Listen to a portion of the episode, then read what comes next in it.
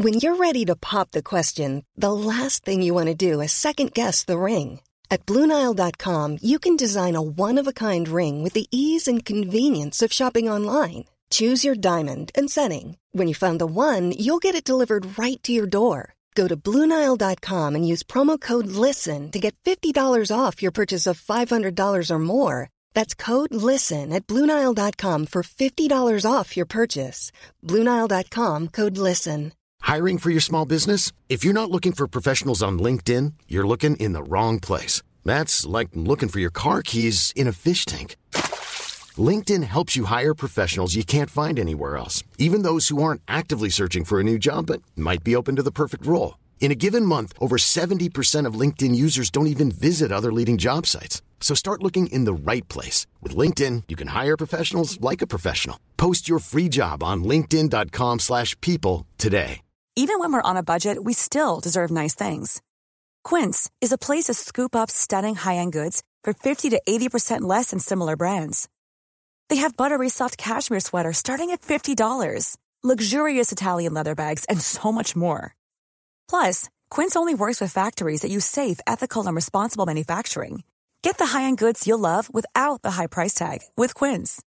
Go to quince.com slash style for free shipping and 365-day returns.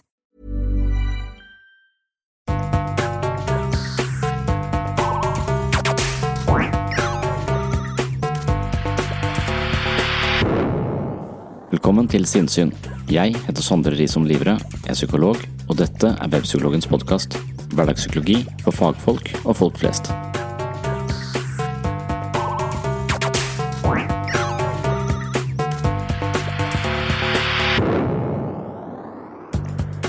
Jeg har lest Lærerinnens sang av Vigdis Hjorth, og jeg møtte henne til en samtale om denne boka på teatret i Kristiansand. Lærerinnens sang handler om Lotte Bøk, som er lærer på Kunsthøgskolen i Oslo. Hun er 57 år, har et godt forhold til sin voksne datter, bor i et murhus ved Akerselva, er lidenskapelig opptatt av Bertolt Brecht og nyttevekster. Hun elsker skogen og alt den har å tilby av næringsrike delikatesser. Hun er forholdsvis tilfreds med livet, men så dukker Tage Bast opp med en frimodig forespørsel. Han er student på fjerde året, og han skal lage et prosjekt hvor han filmer noen av lærerne ved skolen, både når de er på jobb og på privaten. Lotte Bøk blir overrumplet av dette spørsmålet og klarer ikke å si nei. Hun vet vel heller ikke helt omfanget av det hun tillater. Nå følges hun av et filmkamera i tide og utide, og hun blir bedt om å oppføre seg helt normalt, men det går ikke.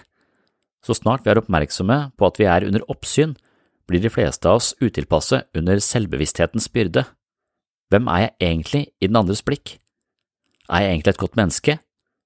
Jeg tror jeg rydder litt ekstra, men lar en del nøye utvalgte bøker ligge fremme, bare for å signalisere til mannen bak filmkamera at jeg er et interessant menneske. Men er jeg egentlig så veldig interessant? Kanskje er jeg først og fremst selvopptatt og forfengelig? At jeg forsøker å imponere noen med et utvalg av høykvalitetslitteratur liggende slengt på bordet, sier vel lite om hvor sofistikert jeg egentlig er, og mer om hvor usikker jeg er i mitt desperate behov for å fremstå som interessant. Denne typen grublerier overtar livet til Lotte Bøck, og langsomt går hun omtrent i oppløsning under Tage Bast sin innpåslitne linse. Når jeg leste denne boken, var det lett å tenke på gruppeterapi. Terapi handler om å bli observert og se seg selv i et nytt lys via den andre. Den freudianske varianten av terapi oppstår i en ganske usymmetrisk relasjon hvor terapeuten analyserer pasienten. I mer moderne former for terapi er forholdet mellom terapeuten og pasienten noe mer likestilt. Her kan pasienten også oppleve terapeuten, og den gode terapeuten reflekterer over seg selv i tråd med disse tilbakemeldingene. Det vil si at moderne terapi er møtet mellom to mennesker som opplever hverandre, og gir direkte uttrykk for dette uten å være bundet av sosiale koder, høflighetsfraser og konvensjoner. I terapi speiler man seg i den andre, og blir dernest bevisst seg selv og sin egen væremåte. Lottebøk utsettes for noe av det samme, men Tage Bast er stort sett taus om hva han ser. Det gjør at Lotte begynner å fantasere om hvordan hun egentlig fremstår, og hun blir nødt til å se seg selv utenfra, noe som er essensen av et terapeutisk selvutviklingsprosjekt. Hun setter seg selv under lupen, og det hun oppdager er ubehagelig. Hun ser en rekke mindre attraktive personlighetstrekk og tendenser, men hun står i ubehaget fordi hun ønsker å lære noe nytt om seg selv. Det synes jeg er beundringsverdig, og jeg synes hun får særdeles hard medfart. Personlig ser jeg på Lotte Bøg som en uh, særdeles modig person, og jeg ser på Tage Bast som en slags psykologisk overgriper. Det kan også virke som om Bast har en del opportune hensikter med hele prosjektet, og sånn sett er han fortellingens skurk i mine øyne. Selv om Lotte Bøck kan høste en del psykologiske gevinster gjennom en lengre periode med forhøyet selvbevissthet. Når Vigdis Hjorth selv snakker om dette på bokprogrammet til Brenner, virker det som om hun opplever at Lotte Bøck har fått en særdeles viktig mulighet, og en mulighet de fleste av oss burde hige etter, selv om den er smertefull. Kanskje har hun rett. Jean-Paul Sartre har skrevet om blikket han beskriver relasjonen mellom to mennesker som en slags eh, vekselvis forskyvning av rollen som subjekt og objekt. Når man blir sett på, så blir man objekt for den andres blikk, men så kan forholdet endre seg ved at man gjenvinner rollen som subjekt og betrakter den andre. Da blir den andre objekt for vårt blikk, og sånn sett har vi alltid to personer som bytter på å være subjekt og objekt. Rollen som objekt kan være ganske ubehagelig, ettersom han er gjenstand for den andres analyse Lotte Bøk blir sittende fast i denne rollen fordi relasjonen til Tage Bast er så skjev. Det er han som har eh, kamera, og det er han som bestemmer hvordan han vil fremstille Lotte. Da prosjektet er ferdig, blir filmen vist foran hele skolen, både lærere og elever, Lotte krymper sammen i stolen når hun blir vitne til seg selv som en eh, mislykka, selvgod og småpompøs lærer. På film kan man stoppe kamera og synliggjøre mikrouttrykk som går oss eh, usett forbi i det dagligdagse. Lottes mest private tilbøyeligheter blir synlig i filmen til Tage Bast, som for øvrig heter eh, Bastet og bundet, Becht og brøk. Og hun blottstilles for hele skolen. Kanskje lærer hun mye om seg selv, men måten det blir gjort på er grusom. Hun flykter fra stedet og reiser til et fremmed land som hjelpearbeider. Det er som om hun eh, til slutt blir så lei av seg selv og snarere vil gjøre noe for andre. I så måte kan det virke som om Lotte Bøck har skjønt noe veldig viktig. Nå skal du få høre samtalen jeg hadde med Vigdis Hjort på teatret i Kristiansand den 5. mars 2019. Det er Irene Gressli Haugen som har invitert meg, og det er hun som altså er eh, leder og primus motor for Forfattersentrum her, i, her på Sørlandet. Og jeg er eh, veldig takknemlig og føler meg veldig privilegert som fikk lov til å møte en så fremragende forfatter, og jeg synes det ble en ganske spennende samtale. Da har jeg den store glede å ønske dere velkommen til sesongens andre Fakta om fiksjon, som er en arrangementsrekke som Norsk Forfattersentrum Sørlandet har her. Og mitt navn er Irene Haugen, og jeg er avdelingsleder her på Sørlandet. Så har jeg den store glede å ha Vigdis Hjort her, og Sondre Risholm Livrød. Vigdis Hjort debuterte i 1983 og har gitt ut en rekke bøker og er nok kjent for de fleste. Hun skriver eksistensielle bøker om menneskers livsvilkår og livsvalg, og har et skarpt blikk for aktuelle temaer i samtiden. Sondre Risholm Livrød er psykolog og har stort engasjement for videreformidling av psykologifaget. Og han har også utgitt flere bøker, bl.a. en som handler om selvbildet. Og selvbildet er jo tema nå i kveld sammen med eh, Vigdis Hjorts roman 'Lærerinnens sang'. Og i tilfelle noen ikke har lest boken, vil du presentere den mm. sånn kort? Ja. Det handler om en lærerinne på eh, Kunsthøgskolen i, i Oslo. Eh, som underviser hovedsakelig Brecht i dramatikk. Hun vekt på Brecht, og så Bertolt Brecht. Og så på de første sidene Og hun er fornøyd eh, på en måte med sitt liv og den fortellingen hun har om livet sitt. Hun er eh, oppe i 50-årene og har en sånn innforståtthet om hvem hun er. Hennes virkelige verden, hennes sivilstand. Altså, hun har på en måte hennes fortelling om seg selv. Hun er enig med seg selv om hvordan den er. Og på de første sidene så sier hun ja til Det er en kunststudent, en som er på Akademiet, som har et um, prosjekt, kunstprosjekt som handler om å filme lærere i undervisningssituasjonen og utenfor. For han har vel en idé om at det må være en eller annen form for samsvar uh, mellom undervisning og liv. Uh, og i det hun sier ja til det, fordi lærerne på Kunsthøgskolen er veldig åpne og um, for sine studenters mange av og til merkelige påfunn, sier hun at det er en hun har sagt ja. Allerede før han begynner å filme, dette er en videokunstner, så begynner jo hun å se seg selv med hans blikk på et eller annet. Så allerede der så begynner det noe å, eh, å skape i hele hennes eget blikk på seg sjæl og tilværelsen, og hvem er hun? Ja. Jeg tror det er i kort forstand også så følger vi denne prosessen også for å se filmen. Så det går ikke så bra. Det er jo et utmerket utgangspunkt for å snakke om selvbildet. Men psykolog, hva er selvbildet vårt? Ja eh, Jeg tror det er, eh, det er vel på en måte interiøret i virkelighetstunnelen vår som vi sitter fast i. Alltid, vi alltid, sitter alltid fast i vårt eget perspektiv da, om oss selv. Det er vel det, det hun prøver å, å fange. At vi, vi ser vi, Verden er jo aldri sånn som Vi ser aldri verden sånn som den er. Vi ser alltid verden som en fortolkning. Og det er vår egen fortolkning. Jeg ser jo dere det jeg opplever, er et mentalt bilde som er gjenskapt i mitt hode og filtrert via alle mine nevroser. Så min opplevelse av dere to er jo ikke sånn som dere egentlig er. Jeg tilskriver dere mange kvaliteter som dere kanskje ikke har, og jeg er blind for kvaliteter dere faktisk har.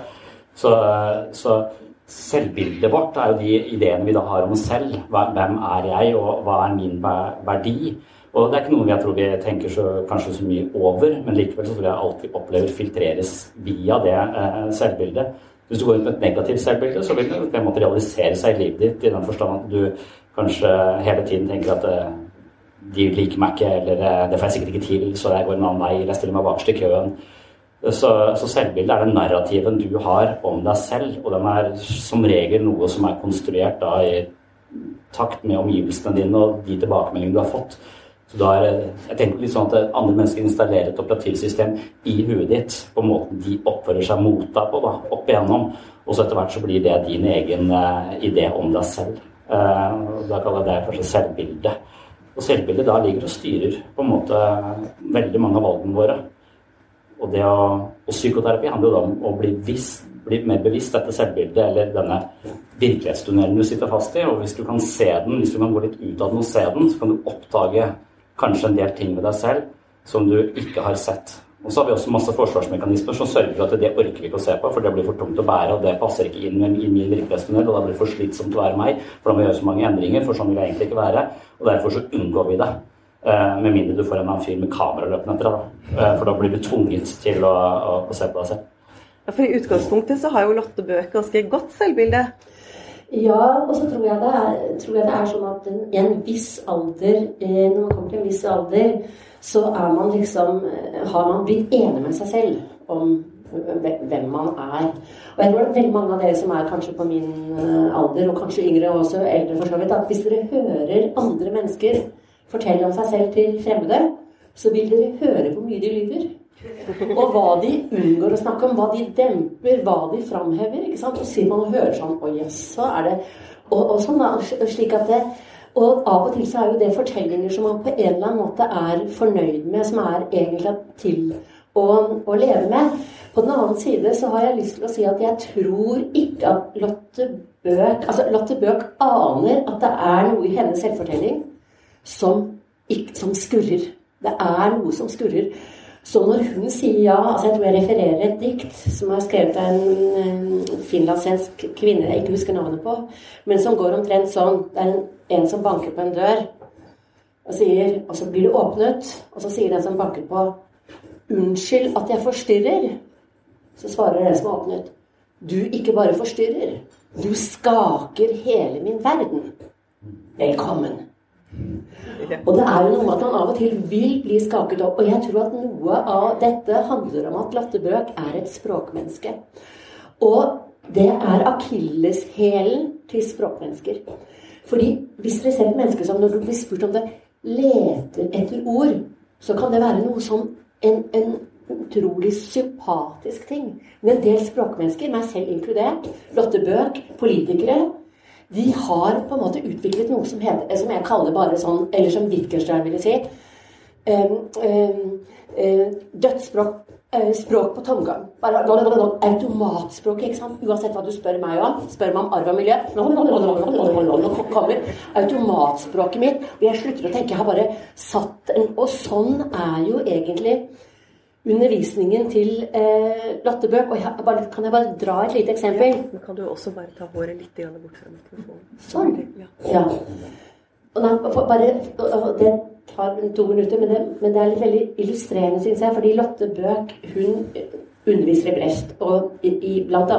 det gode mennesket sett så an. Og det handler om tre guder som kommer ned på jorda for å se hvordan det står til med menneskene. Og det står veldig dårlig til, for de stjeler og dreper og bedrar hverandre og sviker. Og det er ikke engang noe som liker gudene husro. Bortsett fra det gode mennesket Sensuan, den prostituerte Shenté. Hun gir gudene husro. Og så når gudene skal reise opp til himmelen igjen, veldig desillusjonerte med hensyn til hvordan det står til med menneskene, så vil de gi Shenté en butikk så hun skal slippe å prostituere seg.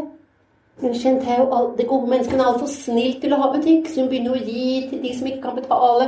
Så de sier sånn 'Å, mitt syke barn', så gir Shenté. 'Å, min gamle, døde far'. Og kjent det gir.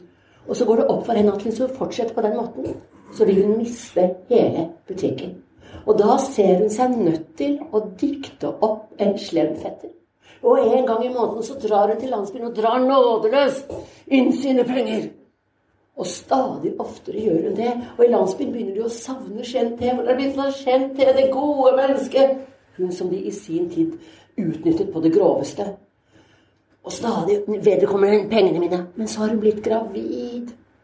Og Magen vokser under dressjakken, og på et tidspunkt må hun dra fettermasken av. Og da sier de i landsbyen til, er det deg? Ja, jeg er begge. Å være god var for vanskelig. Akk, for verden er vanskelig. Den som vil hjelpe de fortapte, er selv fortapt.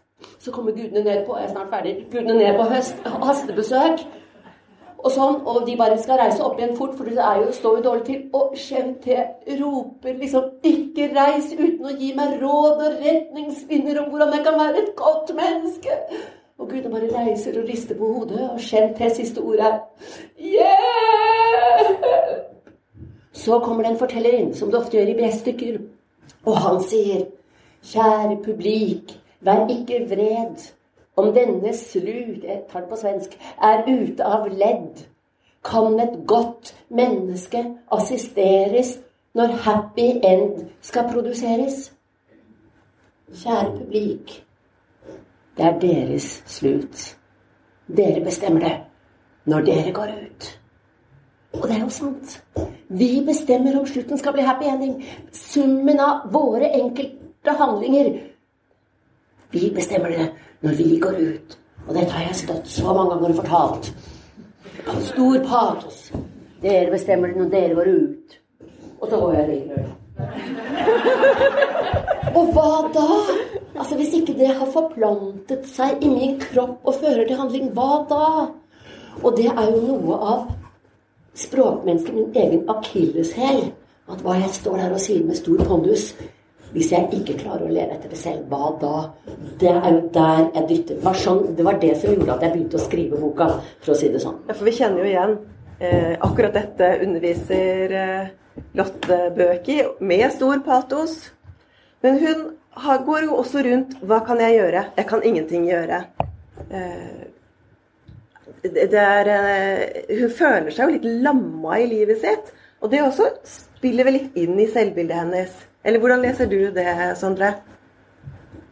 Ja, jeg, eh, jeg er litt sånn sympatisk innstilt til henne. Jeg liker henne. Og jeg syns hun blir litt sånn Så, så jeg vet ikke, jeg har, har litt parti med henne gjennom hele, hele veien. Så, så, så, man kan jo tenke at ja, hun på, et eller annet sted der så blir det nesten sånn mm, en eller annen sånn psykoanalytisk forståelse at hun, hun gjør elevene deprimerte med sin egen innlevelse. på en måte Sånn at hun ikke for, elevene egentlig blir lamma av henne fordi de ikke får lov til å trekke sine egne konklusjoner. Hun klager på at de ikke trekker sine konklusjoner.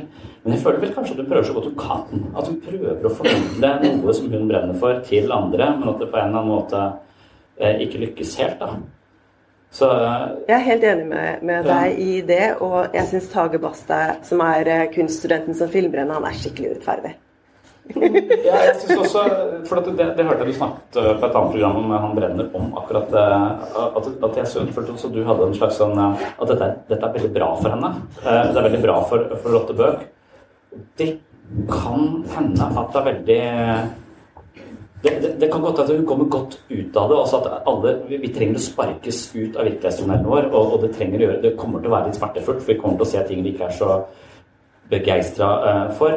Men, uh, men, det kan gjøres på en litt uh, jeg, jeg, jeg, tenkte veldig mye på terapi når jeg leste den boka, for det ligner litt det vi prøver i terapi. Vi prøver å være, vi prøver å ljuge mindre, vi prøver å være mer oppriktige. Jeg sier til deg akkurat hvordan jeg opplever det, sånn du faller ned i mitt hode vel vitende om at min opplevelse er min private opplevelse av filtrert via mine nevroser, men, men, hvis flere i gruppa opplever det på samme måte, så kan det være at her er det noe vi ser som du ikke, ikke ser hos deg selv. Og, kan, og som jeg da vil ha glede av å forstå. Altså innse, ikke sant? På sikt. Ja, men som du, ja, på sikt, men, men, som du også kanskje har brukt mye energi på å unngå fordi at det er smertefullt å, å, å ta det inn over seg. Men da kan du også på en måte gi en tilbakemelding til meg på hvordan du opplever meg, så begge to har filmkamera i terapi.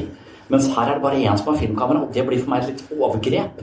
For, for ikke bare at det, det blir Det er greit, hun, hun filmes, hun blir ekstremt selvbevisst og begynner å, å gå ut av sin egen virkelighet og undersøke er jeg god, er jeg et godt menneske, gir jeg til fattig, når gir jeg? Jeg gir egentlig bare når jeg, eh, når jeg håper at det skal skje noe bra.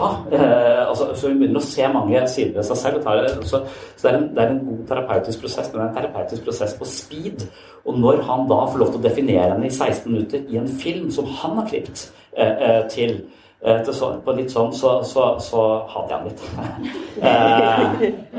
selv om jeg kan godt se at hun Det er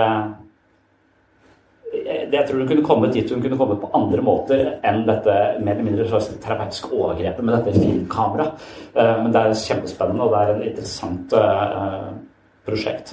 Jeg, jeg, tenkte litt på noen som er, en som er Jeremy Bentham, en, en sånn filosof som, som har, er kjent for han laget dette Panoptikon-fengselet.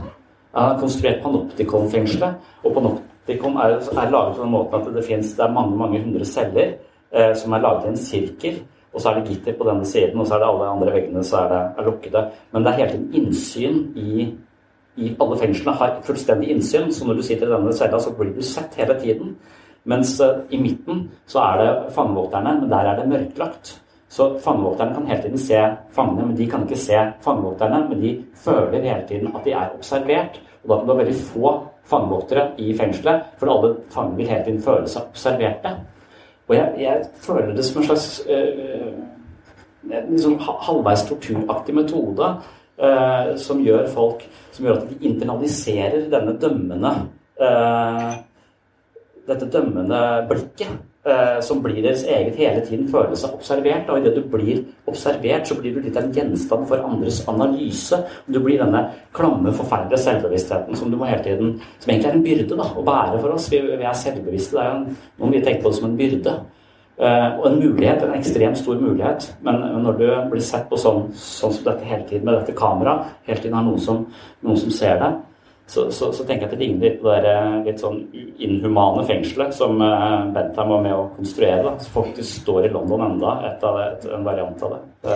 Men jeg tenker også at, at uh, altså Jeg husker det er ikke så lenge siden jeg var i Stockholm. Så var jeg på et sånn veldig porsk sted. Litt sånn à la Aker Brygge i Oslo hvor du gikk mennesker som var sånn veldig velkledde med riktige dokumentmapper i skinn og med riktige klokker og sko og, og, og altså, sånn nypussede liksom, Alt var veldig, veldig sånn og, og, så de fartet forbi, på en måte, og jeg fikk så bare lyst til å sette beinet ut. Slik at de liksom skulle falle. Men også fordi at det som da ville komme til uttrykk i det ansiktet, ville jeg kunne sympatisere med og kjenne meg igjen i og kjenne medlidenhet og samhørighet med. Og jeg tror nok at Én ting er det du sier, at, at liksom Lotte Bøk eh, på en måte, Det er litt sånn torturaktig at hun føler seg sett og sånn. Men der hvor hun prøver å komme, er jo nettopp det å prøve å skifte perspektiv på sin egen tilværelse. Og hvor nettopp selv om hun er utsatt for dette, uh, dette kameraet, sånn, så er det også noe med at Hvis jeg tenker på at hvis man skulle bo i et sånt fengsel Jeg har for øvrig vært i fengsel. det er ikke noe å le av, men, men har vært i fengsel. Ja. Eh, men, men så, så, så, er det liksom noe med å klare å etablere en indre verden som ikke er så ytre styrt. Og det er vel noe av det Lotte Bø Hun mister på en måte språket sitt som hun har overlevd på. Hun skjønner når hun ser den filmen, så det kommer bare klisjeer ut av meg. Og hva gjør et språkmenneske når det mister språket sitt? Hun reiser da til et sted Et språkløst sted for å sortere tekstiler i en nedlagt olympisk stadion i Hellas. Og det er jo mange som reiser til Hellas, og mange, de fleste vil jo hjelpe flyktninger eller være på stranden og så omgås mennesker, for der kan du ta selfies, og det er dramatikk, og det er historier og sånn. Mens, og Datteren min har vært der nede, og jeg husker at det var hun som fortalte meg om en gresk kvinne som kom hver morgen, sorterte sko. Kvelden kom hver morgen, snakket ikke med noen. Hun brukte hele sin sin kropp, sitt redskap, sin energi til å sortere skoene.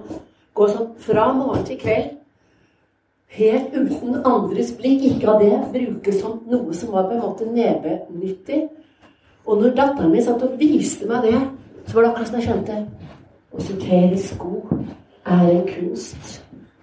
Sortere sko er en kunst. Og det er jo sånn at hvis man tenker seg, det står vel også i boka hvis, man, hvis dette, Nå er jo dette på en måte en scene. Men hvis dette var Hvis dere så nå meg hjemme alene hos meg selv Eller la oss si det er et teater, da. Så kommer jeg inn på scenen. Så setter jeg det ned. Så vil dere sitte sånn Hva skjer? Forventningsfulle skjer nå. Dette ser du hver dag.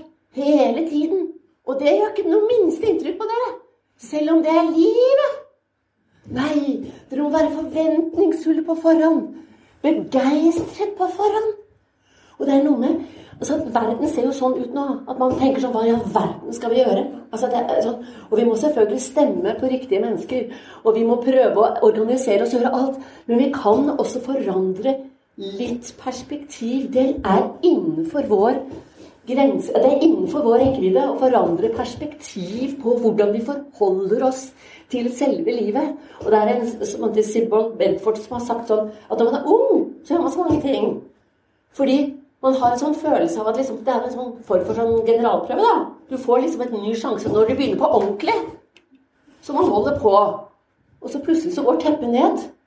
Så forstår du det var forestillingen. Husk at dette er forestillingen. Det er nå, liksom. Det er ikke noe etterpå. Og det er jo en stor mulighet, men et stort ansvar også. Og jeg skal bare si én ting, og Jeg husker at jeg var sammen eh, da jeg holdt på å skrive denne boken, liksom hadde begynt på den, så gikk jeg sammen med denne datteren min og hadde sånn stor fart. Som alltid har stor fart, ikke sant. Og så inn på sånn bakeri, og så fikk jeg et brød, og så gikk jeg på Joe and the Juice, og så fikk jeg liksom juicen min. Og så sier pedagogen Mor, du sa ikke takk. Og så sa jeg ok. Nei, fordi når jeg hadde gått inn i bakeriet, så hadde hun da gått bak meg, jeg med min store fart. Så hadde hun var det en dame som hadde sett at jeg hadde så stor fart, så hun hadde stått der og holdt døren åpen for meg. Og når jeg bare forsvant inn, så hadde hun sagt til sin venninne, den gamle damen til en annen gammel dame, det var ikke mye takk å få der. Og så hadde datteren min da observert meg for Joan the Jew som liksom roper 'Vigdis!' Og så fikk jeg sånn Sa ikke takk. Og siden så har jeg bare liksom rett og slett Ja, jeg skal begynne med det. Takk. Takk. Og det kan man. Kan man gjøre. Og det er liksom sånn det å forandre, Og det det, det at Lotte Bøck får på en måte mulighet til å forandre et perspektiv som går ut i verden, hvor hun ikke bare er opptatt av å se seg selv, men å se sine medmennesker og ta dem innover seg. da. Sånn som når hun da går ut her i dette språkløse eh, Hellas, for hun kan jo ikke gresk, og av og til går ut i byen som om hun er på et stort selskap, og alle de andre er gjester som hun har invitert, og hun har tinte. Takk for at du kom. Du også. Så hyggelig. Og neste gang så er hun gjesten som er takknemlig for at hun ble invitert, liksom. Og det å forandre ens egen holdning til livet, til særlig sine medmennesker, det er det jeg tror jeg prøver å dytte henne i retning av, samtidig som jeg dytter meg selv i det. da. Det siste er mye vanskelig. Det er mye lettere å dytte Lotte Bøk enn å dytte meg selv.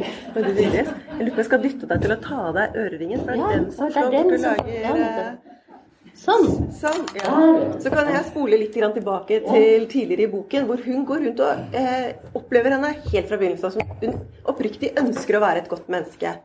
Og hun går eh, Før Tage Bass kommer inn i livet hennes, så går hun og tenker på liksom hun er glad for at hun levde i en fredelig tid. Og egentlig er det kanskje ikke så fredelig, for Norge er jo i krig, men hun kjenner ikke på krigen på kroppen.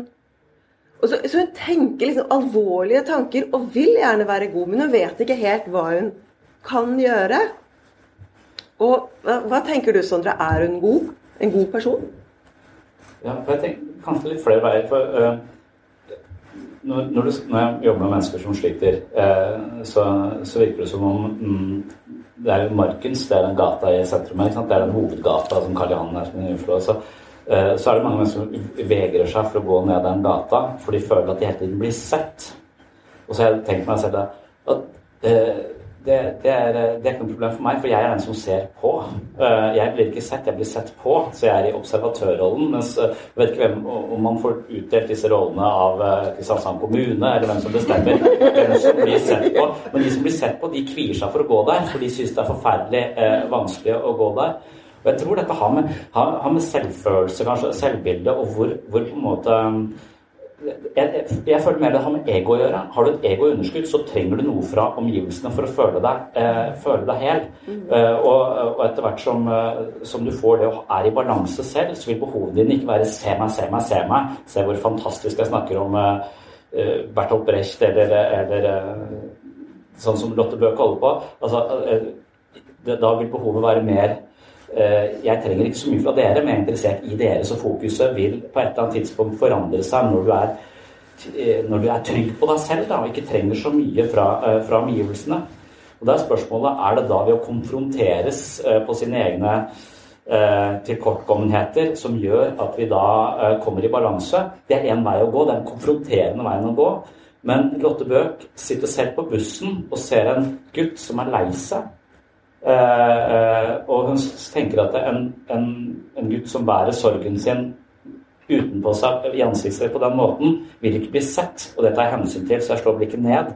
Men så likevel så kommer han og legger seg i fanget hennes. Eh, og, så, og så går han av bussen, og hun er litt tyngre. Og det syns hun er fint, for kanskje hvis hun er litt tyngre nå, så har han kanskje, kanskje hun har båret noe, eh, noe for han. Så, så, så for meg så Et godt selvhjelpstips er jo å gjøre noe for andre uten å si det til noen. Eh, Det står veldig mye, sånn, jeg har lest veldig mye selvhjelpsbøker. Det sånn det går igjen eh, veldig ofte. Så det er, gjør noe godt for andre uten å si det til noen, for da sitter du tilbake med den godheten av å ha gjort noe for andre, og ikke den der eh, oppmerksomheten egoet ditt får idet du eh, forteller hvor, hvor fantastisk dette var. Og det er nok veldig gode men mennesker det, det finnes veldig mange av dem, for vi er et underskudd flest av oss ofte fordi vi hele tiden sammenligner oss med noe som vi burde vært. Eh, og i den sammenligningsprosessen vil vi alltid føle tilkortkommenhet, og dermed så kjøper vi nye ting, og sånn går samfunnet vårt rundt. Så hvis vi ikke hadde, hadde følt på tilkortkommenhet, så hadde hele økonomiske systemet vårt gått til helvete. Så da hadde vi ikke eh, eh, noen ting. Så vi kan ikke være tilfredse, for da funker ingenting. Så vi må være utilfredse. Men i utgangspunktet så syns jeg at eh, Lotte Bøck er en ganske god eh, person. Og så syns jeg kanskje Bård blir enda bedre av dette, eh, av dette prosjektet her. Men uansett hvor mye man er i zen, i balanse, hvor trygg man er, så blir man jo satt ut.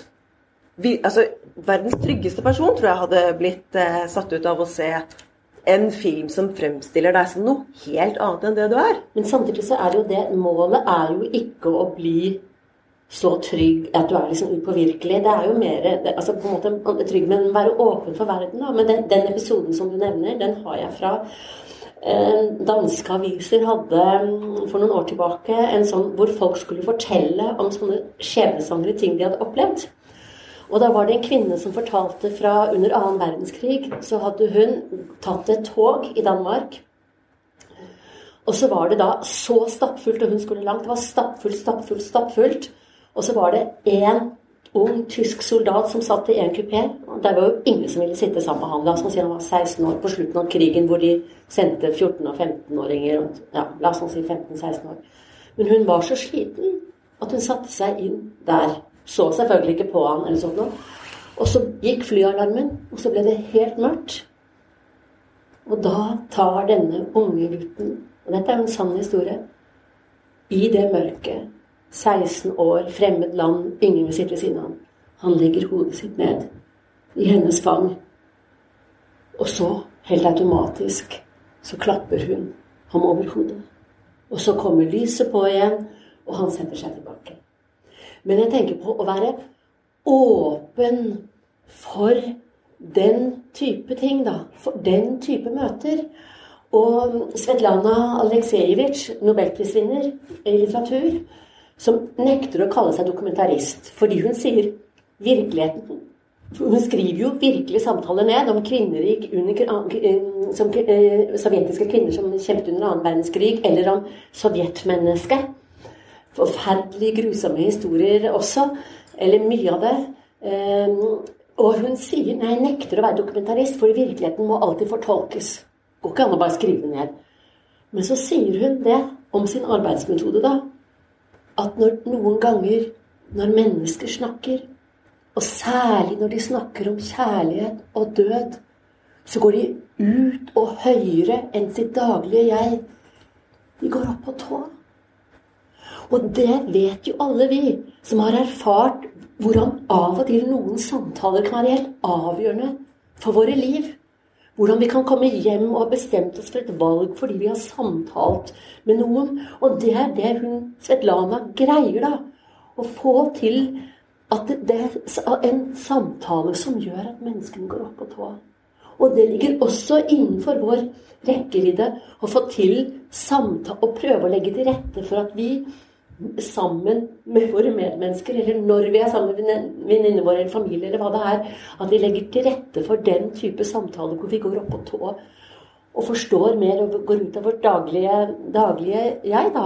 Og derfor så er det den åpenheten som den danske kvinnen viste. Tenk hvis hun hadde dyttet ham bort. Ikke sant?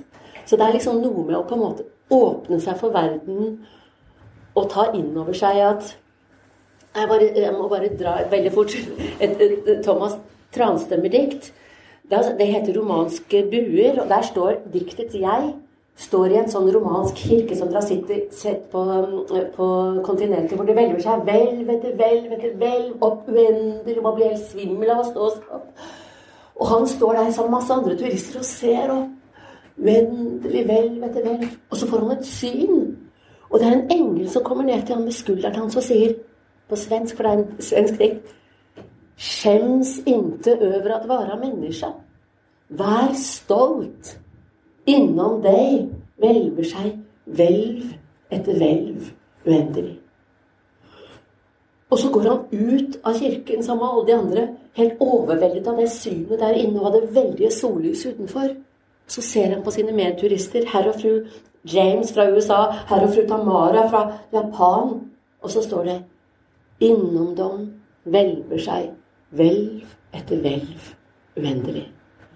Og hvis vi klarer å se på våre medmennesker på den måten, og nysgjerrig på dette hvelv etter hvelv, da, det er liksom det lengste vi kan komme, da, tenker jeg, i forhold til å forandre ens egen politiske holdning, da, på et eller annet vis. Da ville verden forandret hvis vi greide, greide det. Ja, det er på, hva ville vil skjedd med Lotte Bøck hvis uh, det, det, det, jeg føler at Du kan si at ok, kanskje en dag så får du uh, Du får kreft, og du holder på å dø, men du overlever. Og det gir deg dramatiske perspektivforandringer, og plutselig så setter du pris på ting som du tok for gitt før. For eksempel, så du får en helt annen virkelighetstunnel fordi du står ansikt til ansikt med døden. Det er sånn type ting som kan endre menneskeliv ganske dramatisk, og, og det er en krise som du eventuelt kan gjennomleve. Og det er det jeg opplever at eh, Lotte Bøck Hun blir utsatt for en krise her. Men kunne hun komme til samme sted hvis hun f.eks. to av elevene i klassen hadde gått bort og sagt at du er en fantastisk foreleser. Så det er kjempefint å, å høre på deg, eh, og, og, det betyr mye for meg. Altså Istedenfor å utfordre, men varme henne og, og klappe henne, så hadde hun kanskje blitt såpass fornøyd med seg selv at hun hadde vokst da også. Og, og hvis du vokser, sier så, sånn type master vil si at du, du er i underskudd hele tiden, og så kommer vi til et nivå hvor vi får metabehov som handler mer om å gi, gi ut. Og de menneskene som han kaller selvrealiserte, de er hele tiden opptatt av sitt eget forsvar, sier han. Så de er hele tiden eh, opptatt av hvorfor sier jeg dette nå? Eh, hva er hensikten med å si det? Hvorfor er jeg opptatt av å skrive en bok? Er jeg opptatt av berømmelse? Er jeg opptatt av applaus? Eller er jeg opptatt av å formidle noe? Hva er balansen i mine egobehov kontra mine mer altruistiske behov? De vil alltid være i en eller annen sånn mer eller mindre ubalanse. Og de menneskene du opplever som, plastikkmennesker som går på repeat og sånn, de, de har nok en stor grad av mangel og en behov som ikke er dekt, men de lytter ikke heller etter når de får de dekt. Så de er som en bøtte med høl i, på en måte, som kan fylle og fylle og fylle, fylle på ofte. Det tenker jeg med de, eh, med de, som eh, du opplever som litt falske, da. Eh, og spørsmålet er hun Lotte Bøch var kanskje ikke så falsk, men hun fikk det liksom bare ikke Jeg vet ikke om hun, om hun var så veldig falsk, eller om hun, hun bare egentlig strevde hardt etter å etter å formidle noe hun selv syns var viktig. Uh, jeg, tror, jeg, opplever henne ikke som falsk i det hele tatt. Jeg tenker på henne som liksom oppriktig. Ja. oppriktig altså har uh, en sånn selvforståelse. Men det er vel det er noe der som er noe der som er utilfreds. Hun aner at det gnisser. Så hun er jo litt der hvor på en eller annen måte hun ønsker kanskje å bli rokket ja. i sin egen selvforståelse på et vis. Og jeg tror veldig gjerne at hun kunne kommet dit på en annen måte, og mm. en mer terapeutisk måte og sånn. Men det blir jo ikke så god litteratur av. Det, det er veldig spennende, og det er veldig sånn Og jeg tenker det, det, blir sånn som når vi plutselig havner i kaos og plutselig ser oss selv og, og ser at oi, det er og, og litt sånn som å gå i gruppeterapi. Da, da får du Jeg selv sittet i gruppeterapi og og, og prøvd å fremstå sånn så at jeg blir likt. For det pleier jeg å klare sånn rimelig greit. Også, men så skjønner jeg jeg får ikke noe ut av dette. Jeg må på en måte være mer direkte, mindre sensurert. Og så må jeg høre hva de da uh, sier, for da er vi på en måte programforplikta til å gi hverandre oppriktige tilbakemeldinger. Når de da sier 'Jeg syns du virkelig litt arrogant', så, uh, så, så, da går piggene ut. Ikke sant? Uh, arrogant, det er ikke jeg. Siv Jensen er arrogant, jeg er ikke arrogant. så, det er, så, det er, helt andre. så men, men, hvis vi da klarer å se på det perspektivet, ha det i oss det, så kan vi også muligheten for å korrigere. Da blir virkelighetstunnelen vår litt, litt, større. Og det er det hun gjør. Hun, hun vokser ganske kraftig, kanskje, i denne, i den, denne kamera, kameralinsa. Men vokser hun ikke mest når hun kommer vekk fra det? Jo, jeg syns kamera altså, det, det, rommet som Tage Bass gir henne, er jo ganske trangt. Og det er jo ikke ja. mye plass i hans, i hans uh, blikk for hvelv etter hvelv inn i andre mennesker. Mm. Han er jo opptatt av å fortelle sin mm. historie. Men der er det klart at det, på finurlig vis så er det også kan leses som en kommentar til dette med sånn virkelighetslitteratur hvor veldig mange mennesker Eller noen mennesker kan si den, den, eh, Og jeg kan jo ikke altså Etter arv og miljø Min søster skriver en roman hvor hovedbudskapet på en eller annen måte, da, og som av og til av de som mener at de er brukt som levende modeller, sier Det er meg, men jeg er ikke sånn. Ikke sant? Og det er jo det nettopp. Så det er ikke deg. Ikke sant? Og, det, og, den, der, og den på en måte opplevelsen av, som jeg også utsetter henne for, er jo da nettopp å kjenne igjen noe som er både forvridd og forvrensk, og både tråkket ned i søla, men også løftet opp til en høyere sfære. Og det vil si at vi og ingen av oss har jo, som du nevnte, ingen av oss har kontroll på hvordan vi blir opplevd av andre. Vi har en fornemmelse av det av og til. Og alle vi som sitter her, har helt ulik opplevelse av hva vi opplever akkurat nå. Og selv om alt var filmet med telefoner eller båndopptakere hele tiden, vil vi aldri kunne dekke inn alle perspektiver. Og det er jo av og til noe av det som en apropos fiksjon og, og fakta, en, en, romanforfatter av og til får lyst til å si når noen sier 'Dette her er sant. Sånn er det'. Nei, dette er 400 sider. Det er selvfølgelig et utvalg. Det er redigert. Det finnes ikke noe én til én mellom et uttrykk eller en opplevelse. Og det er også en kommentar til det at hvis du på en måte måtte være åpen for også noe som er lite flatterende, eh, et, et bilde, og at det bildet vil noe, og er redigert fordi det vil noe. Og, og, hvis du tenker sånn, hvis du tenker at alt hele tiden så Det er litt sånn Descartes' demoner. Hvis du har Descartes mener at vi har demoner i hodet som forvrenger alt vi opplever. Eller det er faktisk potensielt Det, det kan være sånn. Og, da, og, det er noe jeg pleier å formidle, snakke mye om at alt du tenker er feil, og at du føler er feil. Så i utgangspunktet så tenker du ingenting som er helt 100% riktig.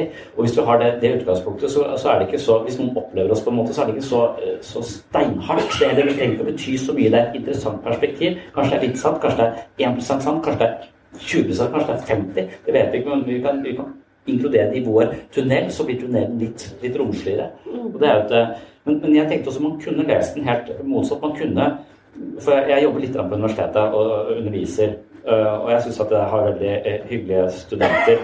Øh, men, men jeg har også snakket med noen kollegaer der som sier at det, det er som det har skjedd noe på universitetet. altså nå, Før så kom folk hit for å lære, folk var nysgjerrige, og, og, og, på en måte de godtok det meste. Du kunne være en gæren professor, men du slapp unna med det. Mens nå er det mer kunder som kommer. Eh, det er kunder som vi skal uh, uh, yte service til. Så jeg er ikke lenger noen, noen som er opp til. Jeg er en serviceperson som, som, hele tiden blir evaluert hver eneste gang. Og jeg blir også evaluert. Og, én tilbakemelding jeg fikk, det var at ja, du banner for mye. Eh, når du underviser. Eh, og da eh, brukte jeg neste, neste time på å snakke om kastraksjonsangst. Og det å føle seg kastrert. For jeg underviser i Freud. Så, så det er liksom så, så det er noe med altså disse i hvilken grad skal jeg ta hensyn til dette ene mennesket som mener det å la meg justere og bli sånn som de vil jeg skal være, uh, også. Så det er den andre, andre at, du, at, man av og til så tenker jeg faen, litt urettferdig humor få lov til Jeg husker når jeg gikk på universitetet, så, så hadde vi noen gærne professorer. Det var, liksom, det var en del av pakka. Du skulle overleve han. Hvis du overlevde han, så var du rusta til, til, livet, på en måte. Dere ikke klaga på han. Han var bare gæren, og det gikk utover oss, men det var jo litt spennende, og det var litt smertefullt. Det var skamfullt innimellom når han tok oss opp og, og, og satte Men men tolv, det. Men det tenker jeg er en del av det samme prosjektet. Og det handler også om å være mye mer tolerant i forhold til seg selv. Og det er også noe sånn jeg jobber med sånn helt eh, personlig, og som er tenker på at egentlig sikkert også Lotte Bøk gjør på sikt, da, men det er jo det at og sånn, sånn det, at jeg har vært enormt streng mot meg selv i den forstand at jeg føler sånn enorm skam hvis jeg har skrevet et eller annet tekstmelding eller et eller annet sånn gjort, gjerne beruset tilstand ikke sånn Nils Rune Langeland-aktig.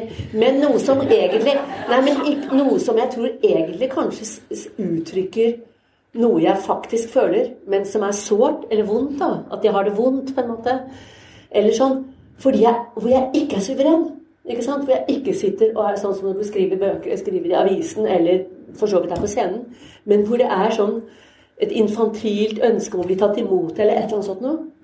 Og jeg har alltid følt sånn enormt skamfullt over det. Og der har jeg blitt mye flinkere ved å tilgi meg selv og si ja, ok, så viser du da noe innmari sårbart, at du føler deg veldig alene, og du, du forstår meg ikke, hvorfor gjør du ikke det, og sånn.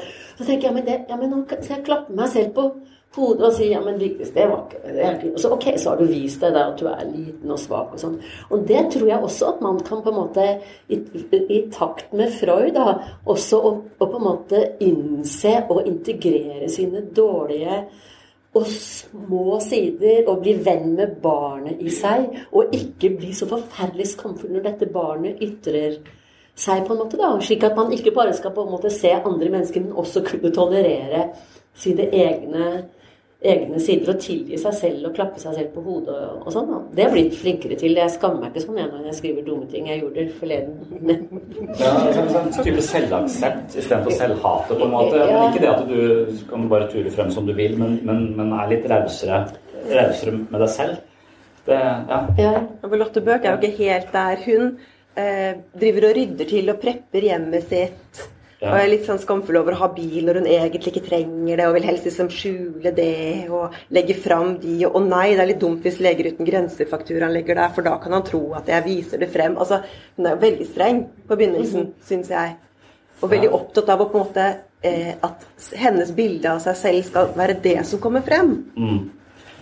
Så, ja, så, så hun, hun, søker en type bekreftelse Mhm. og blir sett på en måte som hun har kontroll på, som hun vet hva er, som er det safe-prosjektet. Men så egentlig så har hun også et latent ønske her om å, å, å se noe nytt, så da saboterer hun, hun, hun litt det, det prosjektet der sånn. Men øh, jeg tenker, hun, hun, så snakker hun om disse dyrene som ikke er selvbevisste, på en måte. Det, eller kan, den der haren som gjør seg til. Altså, jeg tror den gjør seg til. Nei, sier hun. Det, det er bare mennesker som øh, som driver med, står det i, i, i boka. Det å, å ha denne, denne selvbevisstheten vår er jo en, en byrde, og den dukker jo opp hele, hele tiden. Og vi lever i et samfunn hvor den på en måte også er eskalerer fordi at det hele tiden vurderes.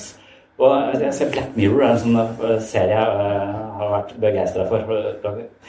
Den, den ser litt for seg. Hva med den teknologien vi har sånn? Hvordan ser verden ut eh, hvis vi bare Og det der med å og en litt sånn tenkt fremtid så går folk rundt med mobilen hele tiden og vurderer hverandre, i hverandre stjerner. Ja, du var en hyggelig vert i dag, og så gir jeg deg fem stjerner. Og da, da ligger du på 3,2. Eh, men ja, vi, liksom, vi vurderer liksom eh, Hvis jeg er på Airbnb, så vurderes jeg blir vurdert, om jeg var en hyggelig gjest, og jeg vurderer vedkommende om det var hyggelig. Og etter hvert så eskalerer dette, så alle driver med det. Så alle har sin score. Så har du lite mennesker, og så har du mennesker som da er nødt til å få stjerner fra disse lite menneskene og gå rundt og serve de. Eh, Og da blir man ekstremt selvbevisst. Men når du er selvbevisst, så er du ikke Da er du ikke deg selv heller. For at du er du er, eh, du er en variant av deg selv som du prøver. Du er amatør på å være deg selv. For du er, du er tenker sånn skal jeg være, sånn bør jeg være. Du er ikke spontan, du er ikke lett og ledig. Eh, og, og, og, og da, da tenker jeg så Det er det med hjertet og, hodet som, hun, eh, som står i dagboken hennes, at hun kremter fordi at eh, hun skal være i hodet når hun gjør lekser, og ikke, og, mens hjertet forstyrrer med den mer spontane, umiddelbare tilstedeværelsen i livet uten å være så jævla selvbevisst. Da. Det er jo også kanskje der vi lever og er i flyt og er på vårt eh, absolutt, eh, absolutt beste. Og, og da, da tenker jeg, på, jeg tenker at det å være selvbevisst sånn som hun er, med kamera, det tror jeg er bra innimellom. Men så tror jeg vi må ta en pause.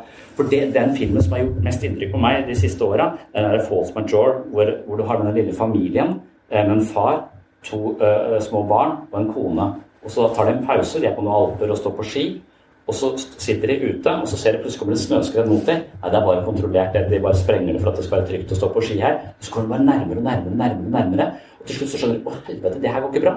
Uh, og da reagerer faren umiddelbart. Tar mobilen sin, lua, og stikker. Og så kommer da snøen og bare legger seg over uh, som et tynt lag over barna og kona, som tar barna sine ned sånn for å beskytte dem. Og så går det to minutter, så kommer han tilbake igjen. Der er dårlig stemning. og, og, og, og, der, er og der er litt forskjellig intuisjon. Hva slags intuisjon har vi? Er han et dårlig menneske? Nei, han kan ikke kladres for det, for han handlet uten å tenke seg om. Hvis han hadde fått tenkt seg om, så hadde han gjort noe annet. Men han gjorde ikke det. Han handlet umiddelbart, og han er en person som forlater barna sine når han handler umiddelbart. Eh, og hadde det vært meg, så kunne jeg ikke levd med meg selv etterpå, føler jeg. Og så har jeg vært jævlig stressa. Jeg, altså, jeg har lyst til å komme i en sånn situasjon for jeg får sjekka, for jeg vet jo ikke. Selvbildet mitt sier, selvbildet mitt sier at jeg er en person som vil redde barna mine, men jeg veit jo ikke når det skikkelig, eh, skikkelig smeller. Og når jeg så den filmen med kona mi, så stopper jeg og sa Nei, nei, sånn er ikke jeg, vel. Altså, så bruker hun litt for lang tid, for å svare. hun tenker sånn. Hun skal bare si 'nei, du har reddet oss' med en gang. Og det, og det, det er, altså, men, men, men da tenker jeg Når jeg Den er mange år eh, siden jeg så den filmen. Når jeg hele tiden tenker litt på det, så tror jeg kanskje jeg er med på å prime min egen at Selvbildet, ideen om hvem jeg ønsker å være, kan også bli mer integrert som meg, så at jeg på et eller annet tidspunkt har mulighet til å påvirke min umiddelbare respons. Du vil være et godt menneske, og det prioriterer du høyt. Du tenker ofte over om du ikke er det. Eh, For, for du våger å se Potensielt sett så kunne jeg vært en fangevokter i Auschwitz eller en fyr som forlater barna eh, mine. Og Hvis jeg kan erkjenne det, så kan jeg også være bevisst det, og da går jeg ikke i den jævla fella. tanken. det, det tror jeg er kjempeviktig. For det første må jeg bare si fort da, at den, den filmen, som jo heter 'Turisten' på, på svenskene så er det, da er det en scene på slutten hvor han begynner å grine innmari. Hvor han sier sånn En mann som griner. 'Jeg er også et offer!' Ja. Det tåler ikke menn i salen. Da er det så mange menn. Man Regissøren fortalt. De går fra det og ser en mann som bulker og sier det er enda mer utholdelig Ja. enn at han går med den telefonen. Men det jeg tenker på sånn er Nei, men det er, det er Ja, interessant, for at han går med telefonen. Det er en form for. Man kan identifisere seg med det. Med den hulkende mannen som «Ja, 'Jeg er også et offer'. Det er for utholdelig. Men, men det jeg skal si i forhold til det som, som, du sier, som jeg tror er kjemperiktig Og jeg tenker på det bildet som vi har um, hvor det tilfeldigvis var et kamera. Og for det første en ting til fort i forhold til det du nevnte med vår tid. Det er ikke så lenge siden jeg var i Montenegro. Dette var før jeg, eller mens jeg holdt på å skrive boken. Hvor det var da opp mot et sånt uh, sightseeing view, liksom. Uh, så er det barn på to-tre år, og så kommer foreldrene opp, og så ser du de Altså, de har positurene inne. Det er helt automatisk idet mors og fars telefon går opp, så kommer de, særlig disse jentene, da, veldig Så det er jo noe som er eskalert med dette blikket på og vurdert som vi også blir hele, hele, tiden, som gjør at dette er mer aktuelt enn det har ja, Først så lata vi som om vi ikke visste hva var kamera, og bare stirret utover Themsen. som ja. sånn tilfeldig. Ja. Nå står vi jo sånn. Ja, ja, ikke later som lenger. Bare, ja. Men det jeg skulle si, var at det, det bildet hvor det tilfeldigvis var et kamera Og dette er da noen øhm, tyskere skal, skal stå og skyte polske jøder ved en høystakk i Polen. Og så fanger kameraet opp at det er én soldat som legger eh, Som ikke vil. Som legger eh, eh, geværet fra seg og går opp og stiller seg sammen med jødene. For da vet han hvis han ikke skyter, så må han være Det er enten-eller her. Og når man viser dette til liksom, unge mennesker og kan si 'Hva ville du gjort? Ville du kunne gjort det?' Så er det jo selvfølgelig altså det er et kjempetankeeksperiment. Du bør ikke være unge mennesker, for alle hvem ville gjort det? Men den type tankeeksperiment er veldig viktige. Selv, og nettopp når man lever på en måte både i usikre tider, men ikke la freden bedøve oss i den grad at vi ikke er rusta for hvilke valg som kan komme straks men nettopp har vært igjennom slike scenarioer eh, som gjør at vi kanskje kan handle riktigere hvis vi plutselig blir satt på denne forferdelige prøven. Ja. Så, så, det du setter opp i boka, er jo en, en situasjon hvor hun, øh, hun, mer eller mindre sånn uforvarende havner i dette, for hun sier ja i et litt uheldig øyeblikk, men hun angrer ganske kjapt etterpå. Men du tenker egentlig at flere av oss burde tenke over dette. Altså, jeg tror det er Jung som er kjent for å si at et, et tre vokser ikke inn i himmelen hvis ikke det har røtter i helvete. Og Jung mente også at mennesker, moderne mennesker er ikke opplyste fordi de nettopp ikke har røtter i helvete. De, de, kjenner ikke til disse mørkeste sidene i seg selv. Så dybdepsykologien vil si at det er det vi må. Det, du, det viktigste det, det, viktigste du finner, det finner du der du helst ikke vil leite, sier han. Og, og, så, og så at det er noe med Men det er jo ikke naturlig for oss å gå den veien sånn i livet vårt for øvrig, og vi har vel ikke tid til det heller. Med mindre det kommer en fyr med kamera, da. Men, eh, men Tenker du at man liksom, for, for, du setter henne i en situasjon hvor du ikke har noe valg, eh, eller hvor dette blir kasta eh, på henne. Mens folk går i terapi for å nettopp oppsøke den situasjonen under litt mer kontrollerte eh, former. Mm -hmm. Jeg tenker at det er altså, viktig både på et personlig og et samfunnsmessig nivå. Da kan jeg gå via Freud, da, som før første verdenskrig så snakket jo alle veldig varmt om internasjonalt samarbeid. Eh, den psykoanalytiske kongressen hadde internasjonale møter. Gjertrud Stein hadde salong, internasjonal salong i, Paris. Den store europeiske krigen kommer ikke. Og så kom den, og så ble den verre enn noen tidligere krig noen gang. Og de sivilisatoriske nyvinningene hjalp krigen.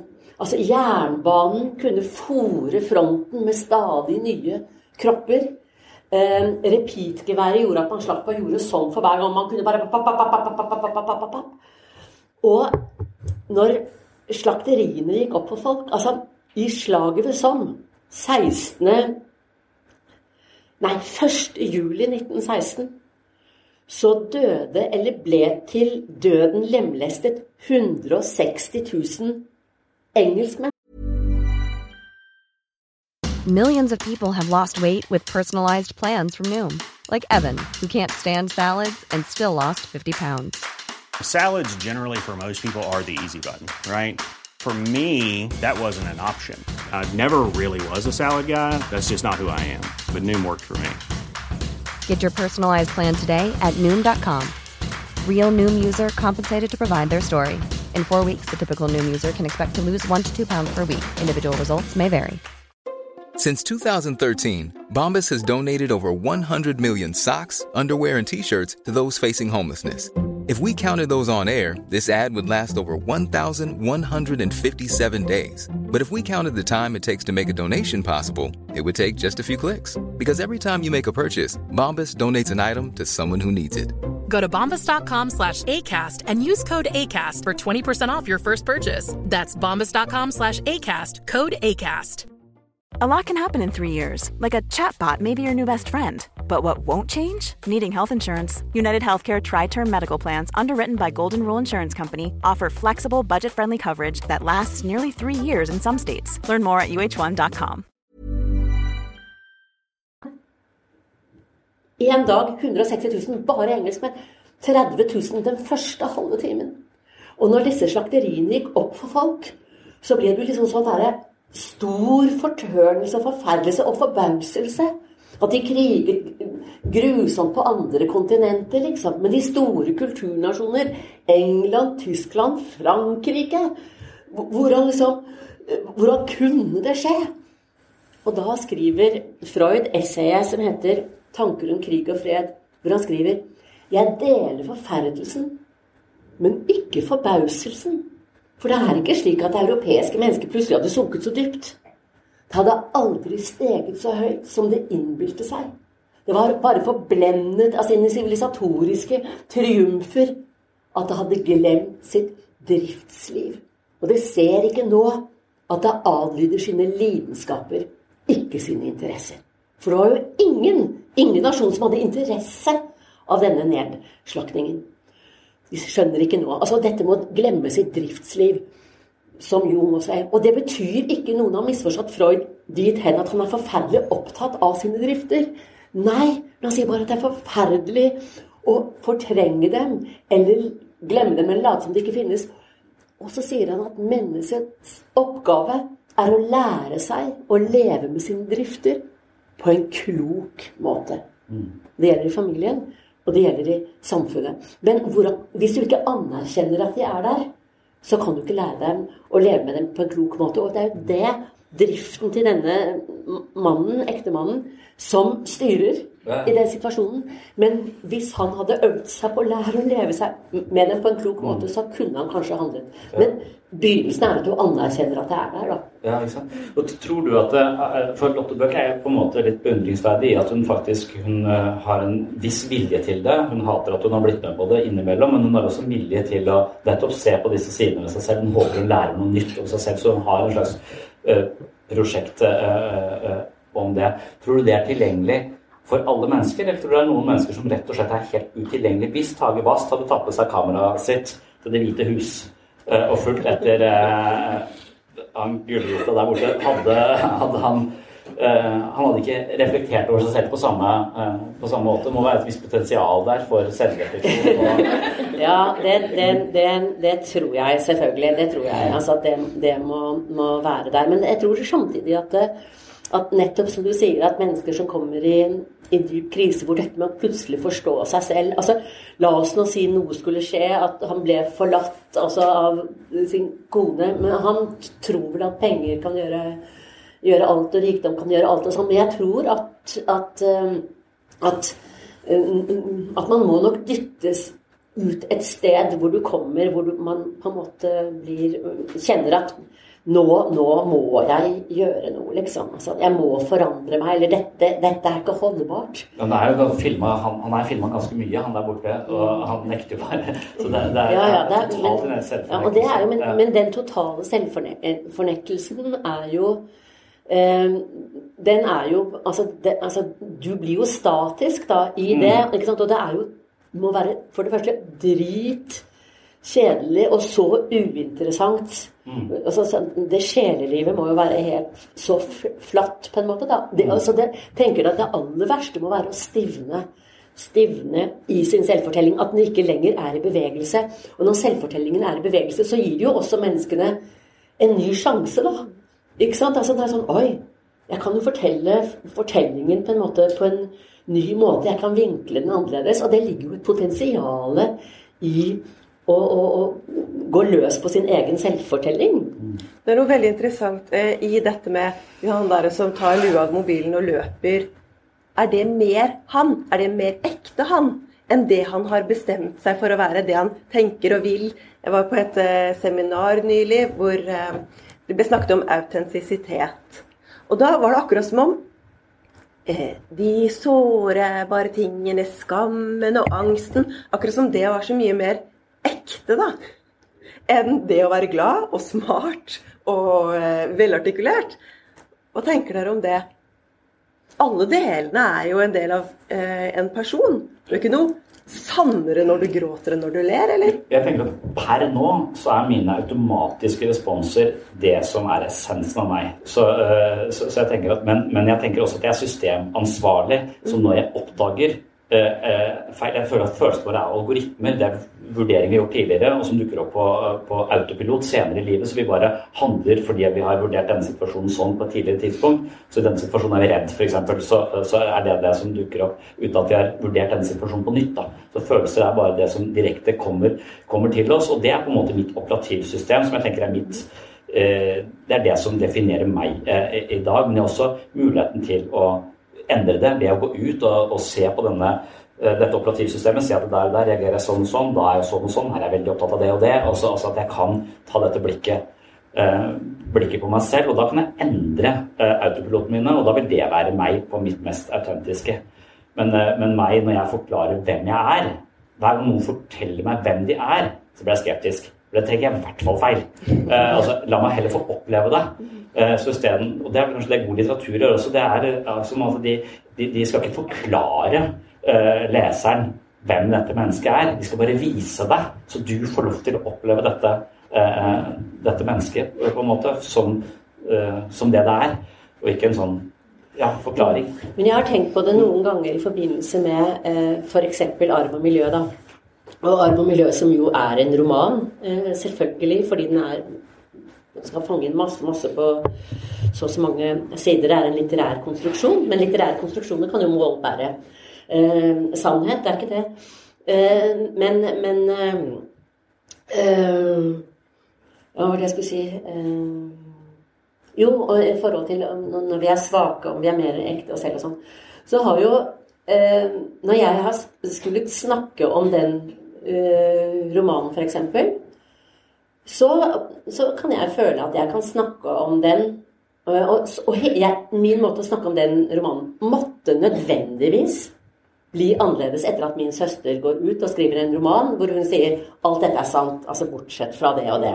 Så, men egentlig alt hun skriver, er sant. Da må jo min samtale, eller måte å snakke om den boken på, ble uh, forandret. Og da har jeg noen ganger tenkt litt sånn som du sier, at det, når jeg snakker så øh, suverent øh, til tider om den boken, eller om andre ting, eller å beherske stoffet, eller kan beherske en scene, så taler det litt mot min sak, da. Men hvis jeg satt sånn Så kunne man liksom vekke en form for sympati, da, som, som var sånn Stakkars, stakkars, du har ikke hatt det lett, Vigdis Hjort. ikke sant? Og der, der, er det sånn at den, den fristelsen har jeg aldri falt for, fordi at at jeg vil på en måte være sånn som jeg er i, i, i også når jeg kan snakke om dette som er liksom sånn en tung tematikk. Ikke sant? Ikke gjøre det gråtkvalt, selv om det kunne gitt uttelling på følsomhet, på et eller annet sånt uh, uh, sympatibarometer, fordi det rett og slett Det ville føles usant, da. Så jeg tror at, at det å det å, å, beherske situasjoner, det å klare å snakke om vanskelige ting osv., det er jo det er like sant eh, som, som, det å, å, å, famle med ord. Men man skal bare passe seg at det ikke blir at det går på autopilot og blir rutine. Ikke sant? Ja. Nå går tiden eh, fort og gæli av gårde. Dette er kjempeinteressant. Jeg har et siste spørsmål. Eh, og det er eh, Hvorfor er det så viktig for oss mennesker at det bildet vi har av oss selv, stemmer overens med hvordan andre ser oss? Altså jeg, bare folk hører sin egen stemme på opptak, så blir de helt sånn forstyrra. For det er jo ikke meg! Hvorfor? Hva er det i oss som gjør at det er så viktig at vi tenker likt? Jeg, jeg, tror at oppriktighet er det, er det beste prinsippet for, eh, for, de fleste mennesker. Jeg tror at vi skal være litt forsiktige med det i sånn sosial sammenheng, for der er det en del regler vi følger, og så er vi høflige og sånn for, ikke, eh, for det vi kanskje ikke kjenner hverandre godt nok. Så vi trenger ikke å, å være totalt åpne, for da, det er en slags hersketeknikk nærmest. Det er det sosiale å bare si direkte hvordan man Hvis jeg skulle drive psykoterapi akkurat som jeg er i gruppeterapi i, i livet for øvrig, så ville det vært en type hersketeknikk, vil jeg si. Men når vi har blitt enige om det, så, eh, så, er det greit. Men det å ha et selvbilde som ligger så nært opp til virkeligheten som mulig, det tror jeg er eh, det beste Det er å ha det beste kompasset eh, for å orientere seg i livet. Så, hvis, så jeg tenker Jeg er ikke spesielt uh, lidende på noen måte, men det hender at jeg får en sånne depressive tendenser. Jeg får noen dypp på en måte hvor jeg blir uh, veldig nedfor. Og for meg så er det ofte hvis jeg har hvis egoet mitt er litt for stort, er litt for, er litt for uh, kul, er litt for, er så, så depresjonen kommer som en nødvendig justering av mitt selvbilde. Nå må du jenke deg litt. Ikke tro du er så jævlig mye, på en måte. Så, så, jeg tenker det er vondt, og det er smertefullt, det er skamfullt, men samtidig en helt nødvendig justering av meg selv. Da.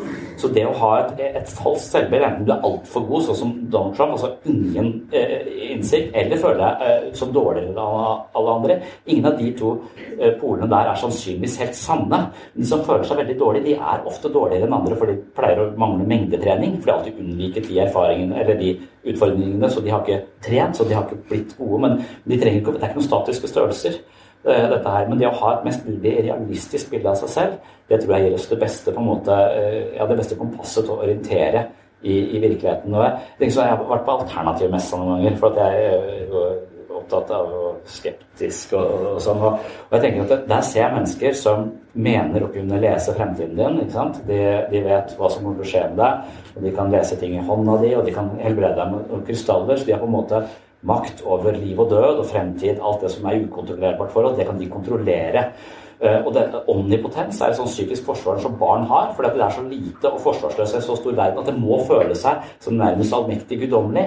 Og hvis du blir krenka på det tidspunktet, så mener Frøda at det er mulig du tar med denne som en forsvarsmekanisme inn i livet for øvrig. Så når for å ikke bli overveldet og gå psykisk til grunne på følelsen av maktesløshet, litenhet og på en måte ja, føle seg rett og slett som en liten fis i noe, noe, som er så stort, så trenger de den følelsen av at de er allmektige, og at de kan styre litt med liv og død og være der oppe. Og så kommer det mennesker som trenger at det er noen som kan det.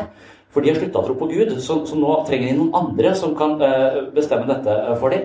Og så kjøper de de produktene, og så er det alle blir veldig trygge av det, for nå tror vi at vi har på en måte vunnet over alt det som er uforutsigbart i, i, i livet, og så støtter de uh, hverandre. Og Da kan man si at de lever i en illusjon, og, og de, de, gjør det ikke fordi at de ljuger, men de tåler ikke uforutsigbarheten og maktesløsheten. For den følelsen har de ikke rom til å bære på sine skuldre. Derfor så må de ha disse forsvarsmekanismene. Og det kan være på en måte bra til en viss grad, men så plutselig så er det folk som blir lurt inn i dette, og så bruker de den type behandling istedenfor å få strålebehandling, og så dabber av det. Så, så, når du har et sånt kompass er så langt ifra virkeligheten, så har du så mange bivirkninger også. da. Så jeg tror at de er best tjent med å være mest mulig, tåle virkeligheten mest mulig. Da er vi best rusta til å leve. Det vil jeg tenke. Mm. Jeg eh, tilslutter meg helt, eh, men jeg tror det er noe som er litt forskjellig hvis man er en offentlig figur. Altså Første gang jeg ble eh, intervjuet av Dagbladet, da var jeg 25 år. Sommeren jeg ble intervjuet av en medstudent, jeg student litteraturvitenskap, Jørgen Lorentzen, han kjønnsforskeren for øvrig. Og han skrev da en oppgave om drift og skrift. Og han glemte at han nå ikke var på universitetet, men hadde sommerjobb i tabloidavisen Dagbladet. Og jeg hadde skrevet en bok som forlaget mente var en bok om en pikes erotiske oppvåkning eller noe sånt noe. Og jeg bare mm, lot forlaget holde på, så skal vi ut av Dagbladet da, og denne min studentvenn som hadde sommerjobb. Og han, Vi var i Frognerparken, og han intervjuet meg og tok bilder av meg med sitt lille Instamatic-kamera. Og dagen etter så var det bilde av meg på forsiden av Dagbladet hvor det sto 'Vigdis Hjorth blir opphisset når hun skriver sine bøker'. Og da hadde jeg sikkert sett at jeg ble revet med noe sånt noe. Og inni Dagbladet så lå jeg over en dobbeltside i Frognerparken med sånn vinkling opp mot shortsen og med halvlukkede øyne fordi han var dårlig til å skrive bilder. Nei, til å ta bilder. Og så sto det å skrive er ren erotikk, sier Vigdis Hjorth. Og hele den sommeren ble jeg oppringt av middelaldrende menn som spurte meg Sitter du og skriver, eller? Og, hele, og, og, og mitt dementi, da, som jeg sendte inn dagen etter Jeg ble faktisk mer opphisset av å lese Dagbladet i går enn når jeg blir å skrive. Jeg ble liksom plassert på nest bakerste side sammen med sexannonsen. Og da var liksom en, sex, en, en erotisk forfatter født. Men det at jeg skjønte at jeg, det nytter ikke å gå inn der og korrigere mediebildet. Og det har jeg skjønt i så mange ganger at, at det, det klar, den kampen kan du bare gi opp. Du kan prøve etter hvert. Du kan leke, kanskje spille med det, men du, du blir aldri slik at mediebildet der samsvarer med den ultimate erfaringen at det ikke samsvarer med hvem du er. Og da kan du egentlig la den mediefiguren leve litt sitt eget liv. Og så er jeg beskyttet, på en måte, og en del av min sceneopptreden kan jo også være en del av et sånt bilder. Slik at jeg faktisk ikke er så opptatt av Jeg har lært meg til ikke å bruke mye tid på det. Hvis jeg skulle google meg selv, og jeg er jo ikke på Facebook Hvis jeg skulle se alle som mente noe om meg, så ville jeg bare helt gå i dunken, helt sikkert. Så det er en sånn beskyttelsesmekanisme som jeg tror at man eh, burde ha. Men det betyr at Men jeg håper jo at jeg i samvær med andre mennesker som jeg er venner med og kjenner godt, er justerbar, da. Men jeg tenkte bare jeg skulle avslutte helt til slutten med nettopp si to sånne oppløftende ting i forhold til dette med perspektivskifte, da. Og det er det Bertolt Brecht som for øvrig, apropos dette vi snakker om sant eller ikke sant, som skrev Han opplevde jo første verdenskrig som medisinstudent. Sto overfor de mest lemlestede. Eh, mellomkrigstiden sto øverst på drapslisten Hitler, måtte rømme som en av de første. Men han skriver i mellomkrigstida en dikt som går på to linjer. Bare tenker genialt. Men tenker på nå i våre dager. Regjeringene skriver fredsavtaler. Lille mann, skriv testament. Er det sant, eller er det ikke sant? Ja, det er sant. Det er litt rart, men det er sant. Men nå kommer et annet dikt han skrev i mellomkrigstida. Og var, da ble trygdene redusert fordi man skulle ha penger til eh, krigsindustrien. Og dette heter de Kauferein. Lærerinne på tysk så har du ender som lærerinne. Lærer-lærerinne. De Kaufverein. Kunden. Og det går sånn. Trygd, jeg er en gammel kone. Da trygdene ble redusert, så hadde jeg ikke lenger råd til å gå i butikkene som jeg før gikk daglig. Så jeg stoppet å gå i butikkene som jeg før gikk daglig. Men en dag tenkte jeg over det. Og så begynte jeg igjen å gå i butikkene som jeg før gikk daglig. Ba om det jeg pleide. Ikke mer, men heller ikke mindre. Et halvt brød, en purre og en kålrot. Og bare da kjøpmannen sammen summen jeg skulle betale, og jeg åpnet min portemonee, måtte jeg fortelle at jeg ikke hadde råd til å betale dette. Og hoderystende gikk jeg ut av butikken, sett av alle kunder. Og så står det For hvis den som ikke kan betale, ikke viser seg der mat blir solgt, vil man tro at de ingenting trenger. Og tenk hvordan vi skammer oss når det står kort avvist på terminalen. Hvordan vi har subtile mekanismer i samfunnet som får de minste blant oss til å skjule seg. Den gamle konen, hennes handling er en revolusjonær handling som ligger innenfor rekkevidde i vårt liv alle sammen. Helt til slutt, veldig opptatt av Søren Kirkegård, som sier at det er så mange mennesker Han sier det å være et menneske på jorda, et ganske alminnelig dødelig menneske, er en oppgave. En tillitserklæring fra oven. Vern da finn og klem og all din inderlighet og alt ditt ansvar. Sier det er så mange mennesker som bor i kjelleren hos seg selv. Selv om det er ledig i de øvre etasjer. Hvor utsikten er vid og perspektivet uendeligheten. Veldig opptatt av den. Så satt jeg og leste på Oslo S en sånn regntung novemberdag. Og alle hadde sånn lange, grå ansikter og grått høy, og himmelen hang grå. Og jeg satt og leste på Oslo S 'Sykdommen til døden' av Søren Kirkegård. Og jeg skjønte ingenting. Det er veldig mye teologi. Men så kommer det en note. Det er alltid når det kommer noter at jeg blir så spent. Så står det Tenk deg et kjempedigert keiserrike. Et kjempedigert keiserrike. Landområde på landområde. Millioner på millioner på millioner av mennesker. En mektig, stor keiser.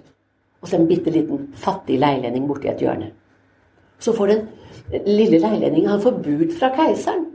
Han sier Bud fra keiseren Vet keiseren at jeg fins? Ja, ja, ja. ja. Og han vil gjerne møte deg. Det kan ikke stemme. Jo, jo, jo, ikke bare det. Han vil gjerne at du skal bli svigersønnen hans.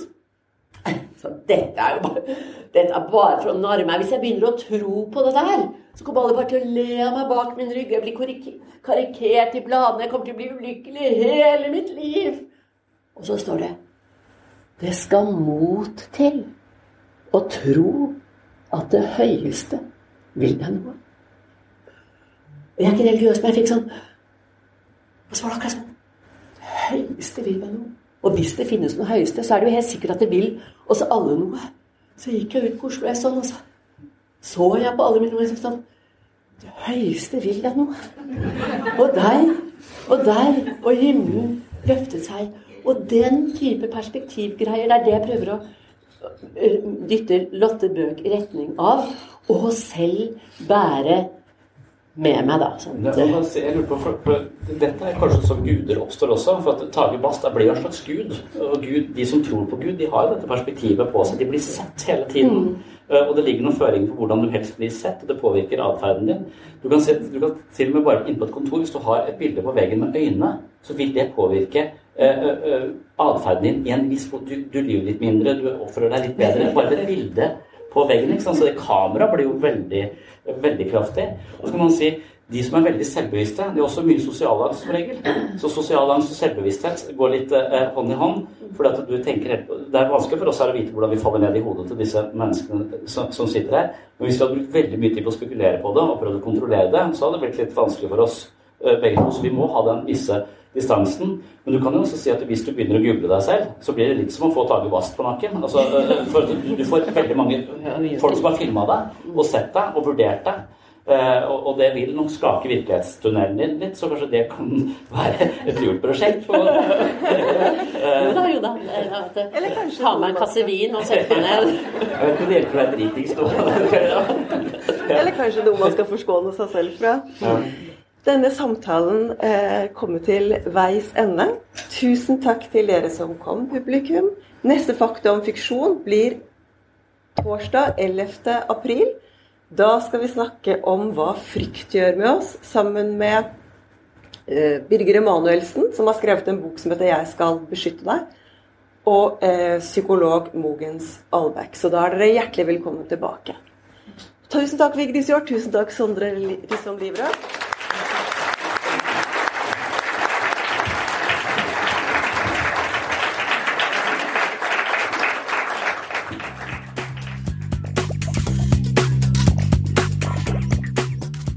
Takk for at du hørte på Sinnsyn. Takk til Forfattersentrum for invitasjonen til eh, samtalen med Vigdis Hjort, og spesielt takk til da Irene Gressli Haugen, som var samtaleleder og daglig leder eh, for Forfattersentrum her på Sørlandet.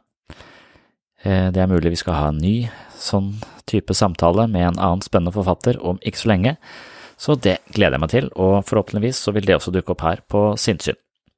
Liker du podkasten? så setter vi pris på ratinger i iTunes og gjerne en tilbakemelding. Det var det. På gjenhør i neste episode.